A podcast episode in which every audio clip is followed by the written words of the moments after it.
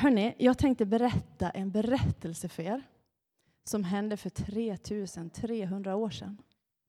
Ungefär. Man kan läsa om den i Bibeln. Och man kan ju undra.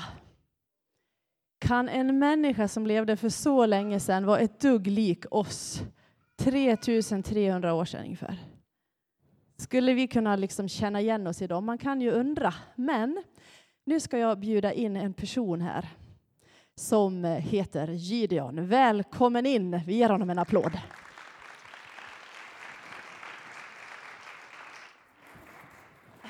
Okej. Okay. Hade tänkt att han skulle sätta sig på stolen, ja, men du, varför gömmer du dig bakom, bakom här som i en liten grop? Shh, akta dig så att inte fienden hör dig. Det är jättemånga. Hundratusen soldater är på väg mot Israel och jag tänker gömma mig.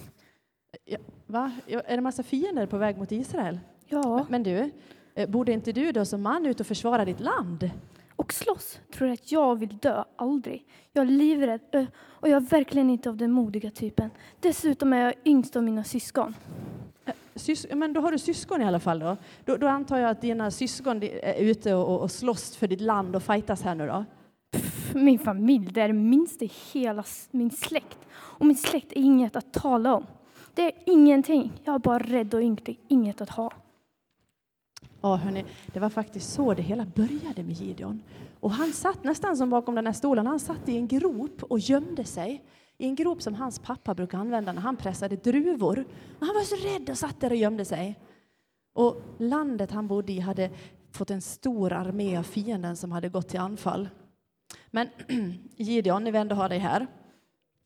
Eh, det var ju någonting som hände va, när du satt där i den där gropen. Du fick ju besök av en ängel. Kan du inte berätta vad ängeln sa? Jo, alltså han sa att jag var tapper, tapper och modig stridsman. Just det. Va, vad sa du då, då? Att det inte kunde stämma. Oj, men eh, vad sa ängeln då? Att Gud skulle göra mig stark. Gud såg att jag hade det i mig. Så Gud såg att Gideon hade något dolt i sig som han inte ens visste om själv. Oh, titta, nu kommer han fram här.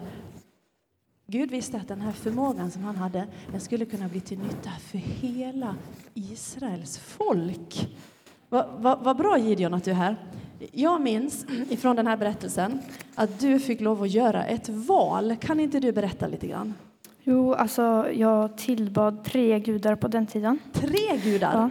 Baal som var en stengud, Aseran som bara var en stor staty och så Herren Gud, universums skapare. Gud sa att jag fick bestämma mig för vad som var viktigast i mitt liv. Okej, okay, du skulle alltså välja om du skulle be till två olika stengudar eller till Herren Gud. Det kan ju inte ha varit ett sånt svårt val. Jo, det var det. Jag var så rädd för vad min familj skulle säga och göra om jag valde bort Baal och Aseran. Jaha, men så du menar alltså att det var rädsla igen nu som hindrade dig ifrån att göra det som du ville? Ja. Rädslan, vilket hinder du. Men vad, vad hände nu då? Vad gjorde du? Jo, jag smög ut mitt i natten och rev ner stengudarna och förstörde platserna där jag brukade be till dem. Sen gjorde jag en nytt altare till Herren Gud för att visa att jag valde honom. Wow, så du liksom struntade i den där rädslan i alla fall? Du gick ut ja. även om det var mitt i natten? då? Ja. Och ni som känner igen den här berättelsen om Gideon, ni kanske har hört om den i Bibeln. Så när han går ut sen och samlar ihop folk från Israel så får han med sig 30 000 man som vill vara med och hjälpa till att strida. Men Gud tyckte att det var för många, även om fienderna var många fler. I alla fall efter ett tag så blev det 10 000 man som skulle följa med Gideon. Och Gud sa fortfarande det är för många. Och till slut så var det bara 300 man som skulle ut och strida med Gideon, som Gud sa var en modig och tapper stridsman, även om han kanske inte kände det så. va? Mm. Men nu måste vi ju få veta. Ja. Hur gick det? Berätta. Jag och mina 300 man smög mitt i natten till fiendens läger och så omringade vi dem. Wow! Så ni omringar lägret där, men då undrar man ju vad hade ni för vapen att strida med då? Jo, i ena handen hade vi en trumpet okay. och i den andra hade vi en brinnande fackla och en lerkruka. En trumpet, en brinnande mm. fackla och en lerkruka. 300 man mot 100 000. Ja. Det låter inte som en jättebra idé, kan man tycka. Men, men alltså, hur använder ni trumpeten och facklan Ja, och krukan? det kan man ju undra. Samtidigt så kastade vi våra krukor i marken med ett brak och blåste i våra trumpeter. Då vaknade fienden av oljudet. När de såg elden runt lägret trodde de att vi var överallt och började slåss med sig själva. Wow! Så fienderna slogs med varann? Ja. Ni behövde inte ens liksom ge er in i fighten direkt där? Aha!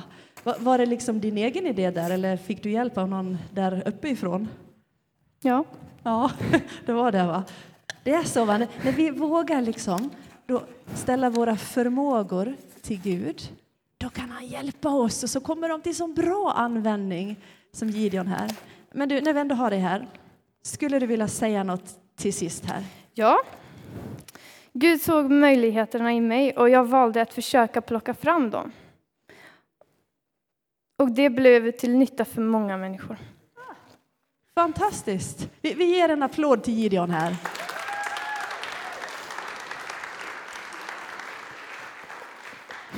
Det är fantastiskt va? när man kan berätta berättelserna så de blir så levande som om personerna stod här.